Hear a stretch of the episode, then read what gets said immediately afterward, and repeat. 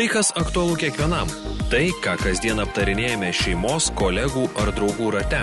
Naujausios žinios ir aktualiausi pokalbiai tiesioginėje laidoje Delfi diena. Kas vyksta Amerikoje prasidedančioje rinkiminėje kovoje ir ar Donaldas Trumpas gali būti perintas dar vienai kadencijai. Apie tai kalbame su Rytų Europos studijų centro direktoriumi Linu Kojala. Sveiki. Sveiki. Tai iš tikrųjų, Nuo to ir pradėsim, nuo Donaldo Trumpo. Ar kokia tikimybė iš tikrųjų, ar jisai tikrai gali būti perinktas dar vienai kadencijai? Jeigu žvelgtume į istoriją, pareigas einantys prezidentai dažniausiai yra perenkami antrai kadencijai, jeigu tik jos siekia po antrojo pasaulinio karo. Žiūrint į istoriją, mes tokio prezidento dar neturėjom. Tai? Žinoma, jisai keičia šiek tiek politinę darbo atvarkę, bet vis tiek galimybės jam yra tikrai neblogos. Jeigu žvelgtume į ekonomiką, šalis tikrai yra pakankamai geroje situacijoje. Aišku, koronavirusas šiek tiek tą keičia, bet jeigu žvelgtume į trejus metus jo darbo, tai ekonomika augo, žmonių kišenės pilnėjo, o tai yra labai svarbus indikatorius. Kitas veiksnys, kuris tradiciškai yra labai svarbus, tai yra konfliktai, kariniai konfliktai, kuriuose dalyvauja Junktinės valstijos.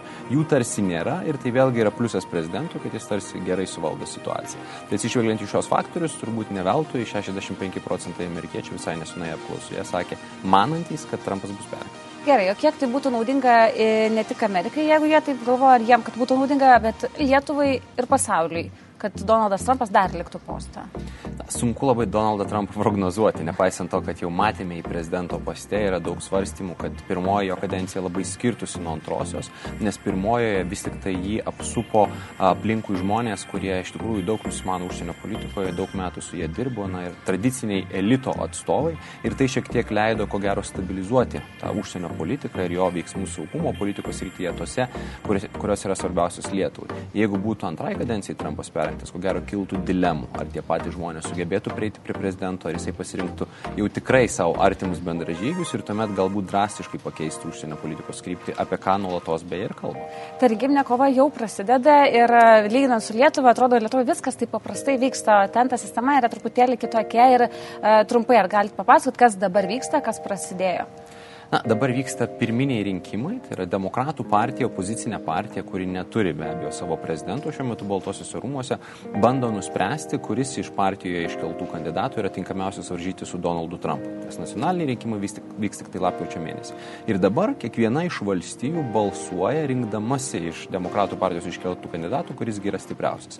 Tai šiandien, super antradienį, tiksliau vakar, matėme rezultatus 14 valstybių ir juos skaičiuodami bandome nustatyti, kuris iš pretendentų ar Joe Bidenas ar Bernie Sandersas ar dar keli, kurie kandidatuoja, e, turi daugiausiai galimybių vis tik tai būti išrinkti demokratų partijos atstovu arba atstove varžyti su Donaldu Trumpu.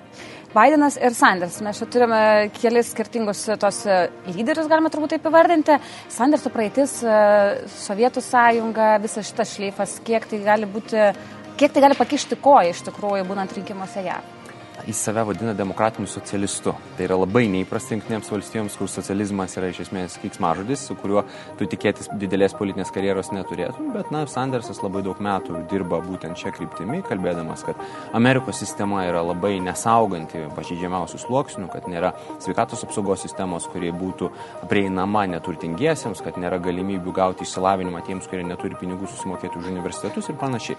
Žodžiu, jisai kalba apie socialdemokratinį arba, na, tam tikrą prasme socialistinį modelį ir pavyzdžiui dažniausiai naudoja Skandinavijos valstybės. Tai gali jam būti minusų ir Donaldas Trumpas tą jau nekartą minėjo, sakydamas, kad jeigu aš varžysiu su Sandersu, vadinasi, Amerika rinksis tarp manęs gero prezidento ir socialisto, kuris keltų grėsmę visoms mūsų a, politikos rytims, bet be abejo jis turi ir šalininkų. Neveltui Sandersas yra na, subūręs tam tikrą judėjimą, netgi jaunų žmonių ypatingai, kurie tiki jo mintimis ir idėjomis. Kaip jam pavyko tos senus žmonės prisivilioti, jeigu iš tikrųjų ta Sovietų sąjunga, na, jaunimui tai nėra patrauklu, nesvarbu, kuriam pasaulio krašte matyti, tai kaip jam tai pavyko? Na, jis, kaip ir minėjau, daug kalba apie tos dalykus, kurie aktualūs jaunam žmogui. Jauna, jaunam žmogui rūpi, ar jisai galės įgyti išsilavinimą. Ir čia universitetai ir jų paskolos atlieka milžinišką vaidmenį ir tampa milžiniška problema daugybė amerikiečių. Sandersas sako, mes privalome padaryti mokslą iš esmės nemokamą. Tai yra labai patraukli idėja. Kitas svarbus veiksnys, aišku, vėlgi sveikatos apsaugos sistema. Nepaisant to, kad žmonės galbūt jaunesni, jie mato, kiek jų tėvai, kiek jų šeimos išleidžia pinigų privačiam sveikatos draudimui. Ir be abejo nori, kad ta situacija keistųsi. Tai tuos du klausimus sugebės paversti savo politinės darbo atvarkės dalimi, būdamas pats entuziastingas, rengdamas didžiulius susitikimus ir juose, na tikrai charizmatiškai kvėpdamas žmonės. Andersas buvo stiprus kandidatas, prisiminkime, ir 2016 metais. Tuomet jisai tik per plauką pralaimėjo Hillary Clinton demokratų partijos nominaciją, o dabar atrodo dar stipriau. Turim dar vieną tą lyderį kandidatą, tai Bidenas, kuo jisai skiriasi ir kuo jis yra kitoks nuo Sanderso. Sandersas yra toks tarsi sukilėlis, jis net nėra demokratų partijos oficialus narys. Jisai sako, kad partija priėmė daug klaidingų sprendimų ir reikalingi radikalūs pokyčiai, galbūt revoliucija, kuri pakeistų pirmiausia partiją iš vidaus, o vėliau ir visas Junktinės Amerikos valstijas. Bidenas yra visiškai kitoks, jis yra daug nuosaikesnis, juk jis yra aštuonerius metus dirbęs Barack Obamos prezidento, viceprezidentu, tai iš esmės buvo antras žmogus šalyje. Vadinasi, jis yra tos elito nuosaikesnės politikos šalininkas ir būtent tuo bando save prieš pastatyti Sandersu, sakydamas labai atvirai, Bidenas tą nekartą kartojo, kad šaliai reikia ne revoliucijos, kurią žada Sandersas, o tiesiog kai kurių problemų sprendimo, bet darant tai kalbantis, o ne priimant drastiškus sprendimus. Kiek realu, kad iš tikrųjų Bidenas mestų iššūkį Trumpui rinkimuose? Dabar atrodo realu, iš tikrųjų, at, pirmiausia, kai prasidėjo pirmieji balsavimai vasario mėnesį, tikrai Bideno kampanija, na, turėjo problemų ir pirmieji skaičiai buvo tikrai prasti, Aivoje, Nuėjame, Hempšyre, jis nepateisino savo kaip favorito statuso, nes tokį jisai turėjo dar prieš prasidedant balsavimui, bet dabar jo kampanija akivaizdu atsigavo, jis panašu, kad vakar laimėjo 9 ar 10 valstijų, iš tikrųjų įgavo pagreitį ir šiandien atrodo kaip, na, labai realus kandidatas varžyti su Trumpu, nors be abejo Sandersas yra šalia, tai matyt šiandien turime kalbėti jau apie dviejų lyderių kovą. Ar galim sakyti, kad tas e, trumpas žaidėjas Bloombergas buvo kažkas kaip Trumpas prieš kelius metus atėjęs turtingas asmuo, kuris irgi galbūt e, kažkuo kitu galėtų pavergti rinkėjus? Pirmiausia, pinigais, investavęs beveik 500 milijonų dolerių rinkiminę kampaniją, elgdamasis labai netradiciškai, jis net nedalyvavo pirmosiuose valstijose, jis nebuvo ant biuletenio pirmosiuose keturiose balsavimuose, pirmą kartą jame atsirado tik tai vakar. Na tikrai labai netradicinis požiūris į tai, kaip reikėtų renkti kampaniją, bet kol kas tai netrodo, jog pasiteisintų, nes tos 14 valstijų, kurios balsavo vakar, na, Bloombergą matė tarp 3 ar 4 pirmųjų pretendentų, bet tie skaičiai, žiūrint ir lyginant su investicijomis, iš ties yra kuklus ir tikrai netruks klausimų, ar Bloombergas toliau turėtų tęsti kovą, ar tiesiog pasitraukti ir pripažinti, kad vis tik tai, na, reikėtų jam paremti, ko gero, Joe Bideną, nes pats Bloombergas sakė, kad svarbiausia sustabdyti Sanders. E, pinigai. Šiaip, kiek yra svarbu turėti daug pinigų ir ką už juos dažniausiai reikia padaryti, kad laimėtų rinkimus Amerikoje? Turbūt galima dviprasmiškai vertinti. Vėlgi, Bloombergo pavyzdys rodo, kad pinigai ne viską lemia, bet akivaizdu, kad bet kuri rinkimų kampanija priklauso nuo dotacijų, kurias gauna. Tiek iš didesnių kompanijų, iš didelių privačių donorų, tiek ir iš mažų dotacijų, kurias skiria paprastai žmonės. Ir pavyzdžiui, praėjusį mėnesį Bernie Sandersas surinko 46 milijonus dolerių, kurie jam leis ne tik išlaikyti komandą, ne tik išlaikyti būstinės įvairiose valstijose, ne tik pirkti reklamą, bet, na, iš esmės tęsti savo politinę kampaniją praktiškai neribotą laiką. Tad tai yra labai svarbu. Kita vertus, vėlgi, tai nėra savaiminis pergalės garantas. Ta mes jau matome ir iš Bloombergo pavyzdžių ir, ir ankstesnių metų. Hillary Clinton tikrai investavo į rinkimų kampaniją daugiau negu Donaldas Trumpas, bet 2016-aisiais puikiai atsimename, pergalės tai net nešė. E, jeigu net nešė pergalės pinigai, tai gal atneša nešvarų žaidimai. Tai iš tikrųjų, ar mes galime to tikėtis iš ateinančios kovos, kurią matysim dabar artimiausiais mėnesiais? Sandersas ypatingai prieš trejus metus sakė, kad jo kandidatūra buvo sustabdyta už kulisinių partijos, demokratų partijos elito susitarimų. Tam tikrą prasme jis tą teigia ir dabar, sakydamas vėlgi, kad yra revoliucionierius, norintis viską pakeisti iš pagrindų, vadinasi natūralu, kad jis susiduria su elito bandymu sustabdyti šį procesą ar nustumti jo kandidatūrą. Bet ko gero šiandien tai yra jau šiek tiek mažiau įtikinantis argumentai, nes po 2016 Sandersas tikrai buvo įtrauktas į daugybę procesų, kuriuose pats kūrė pavyzdžiui, šių rinkimų taisyklės. Vienas iš konkrečių dalykų, ką padarė Sandersas kartu su be abejo kitais demokratų partijos nariais, tai pakeitė taisyklės ta prasme, kad iš esmės dabar partijoje renkasi, kas kandidatuos į prezidento rinkimus, tie žmonės, kurie yra išrenkami kiekvienoje iš valstybių. Dar 2016 metais balsavime greta išrinktų žmonių dalyvavo apie 700 vadinamųjų superdelegatų, tai yra iš esmės partijos lyderių, įvairias aukštas pareigas užimančių asmenų. Dabar jie šiek tiek yra nustumti į šalį ir galėtų dalyvauti tik antrajame balsavime, jeigu pirmajame nugalėtojas nepaaiškėtų. To siekia Sandersas, sakydamas, kad mums reikia demokratijos ir skaidrumo ir tai turbūt yra įrodymas, kad na, partija sureagavo. Šiaip iš šitų trijų e, žmonių e, - Bidenas, Sandersas, e, Trumpas - ar galim išrinkti kažkurį, kuris iš tikrųjų Lietuvai būtų palankiausias prezidento postą? Bidenas be abejo turi didelį įdirbį, jis ir pats yra viešėjęs Baltijos šalise kaip viceprezidentas, jis yra daug kalbėjęs apie NATO e, ir apie tai, kad būtina atgrasyti Rusiją, ypatingai po 2014 metų prasidėjusios agresijos Donbasė ir Krymo aneksijos. Na tai tarsi jisai turi tą įdirbį ir patirtį, kuri leistų jam gana lengvai įsilieti į Baltųjų rūmų sprendimų priimimo procesą ir ko gero ne, neišsiubuoti to laivelio per nelik smarkiai, o to pačiu be abejo atitiktų tai mūsų Lietuvos interesą. Galbūt jisai pagerintų ir santykius su Europa, kurie šiuo metu yra pašlyje. Kita vertus, na, reikia pripažinti ir kad Donaldo Trumpo administracija, nepaisant jūsų nuogastavimų, padarė nemažai sprendimų, kurie turbūt atitinka Lietuvos strateginius interesus. Pavyzdžiui, mes tą matėme ir praėjusiame gynybos biudžete, kurį pasirinkome pasirašė prezidentas, ten yra skiriama daugiau lėšų Baltijos valstybių saugumui. Iš esmės per trejus metus padidėjo amerikiečių karių skaičius Europoje, buvo pratestos sankcijos Rusijai ir panašiai. Tai Trumpo retorika, labai kritinė retorika, ne visada atitikdavo veiksmus ir šiuo atveju galėtume galbūt bent jau tikėtis, kad pernelyg drastiški sprendimai nebūtų priimami ir antrojoje kadencijoje. Nors, kaip minėjau pradžioje, su to sutiktų ne visi. Pasauliui ir Lietuvai tas pats kandidatas būtų palankus, ar čia jau reikėtų skirtingų kandidatų iš tos trijulės iškoti?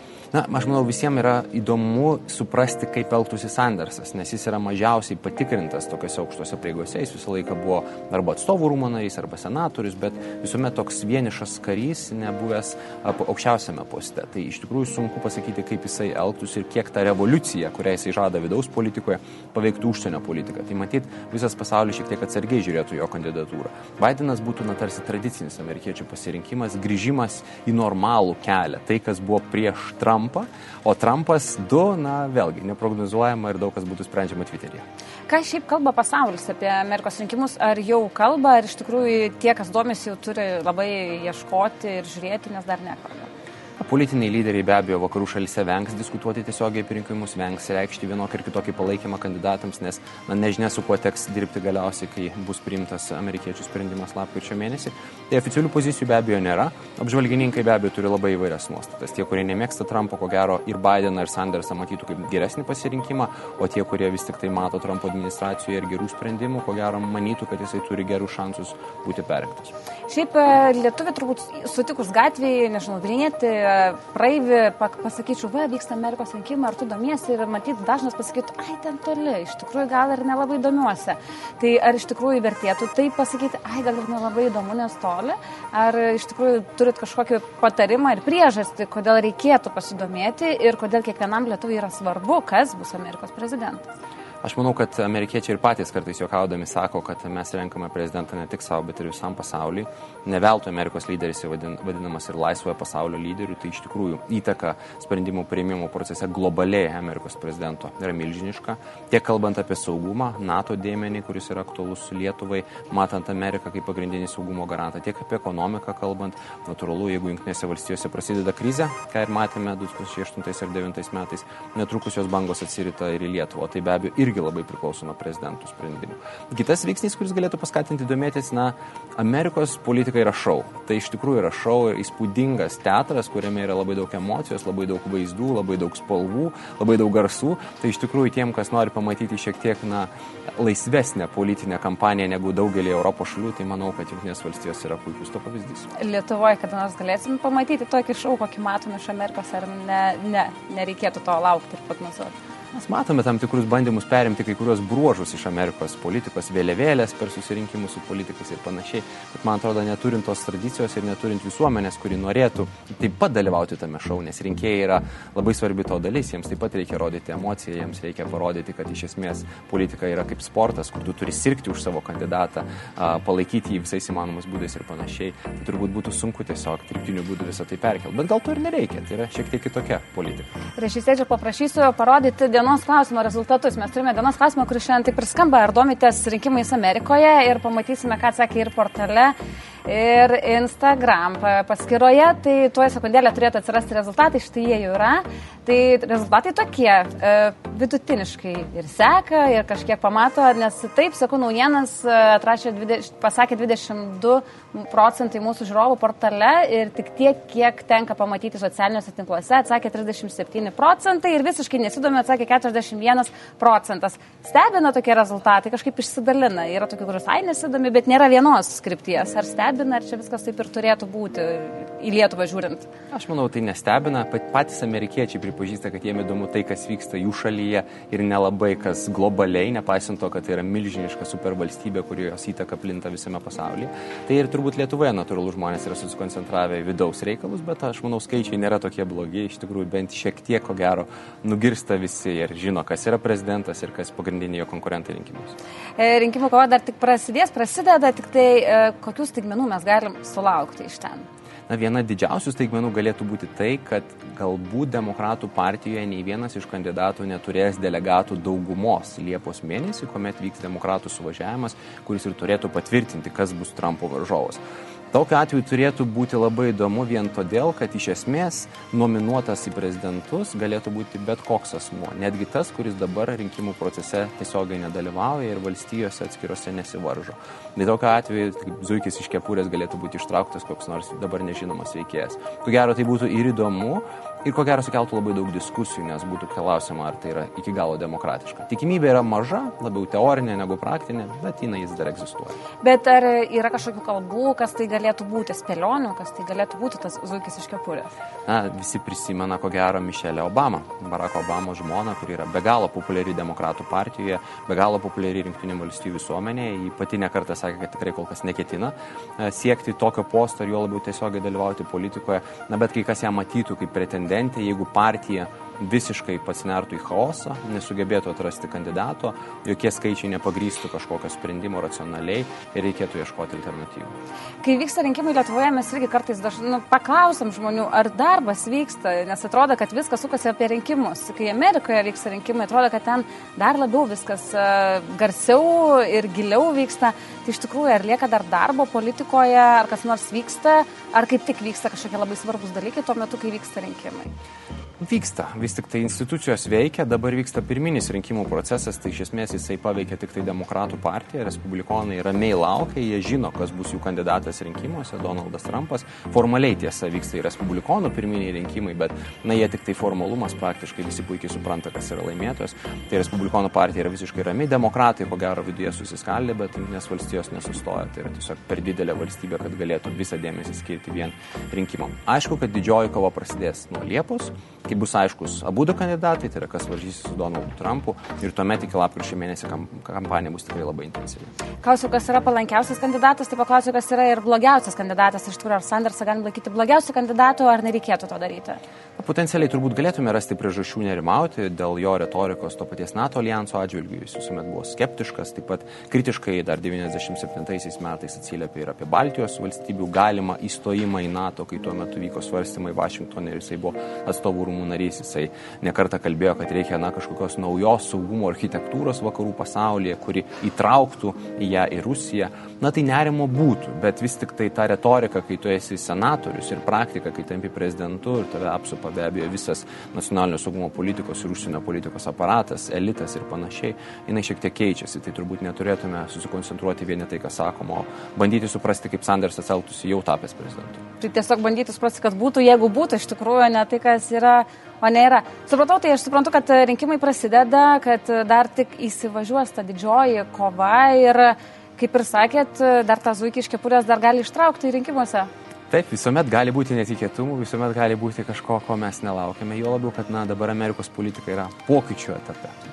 Ačiū Jums labai, ačiū visiems, kas atsakė į dienos klausimą. Čia kartu su manim kalbėjo Rytų Europos studijų centro direktorius Linas Kojala. Ačiū Jums, kad atvykote. Klausyk, Delfi.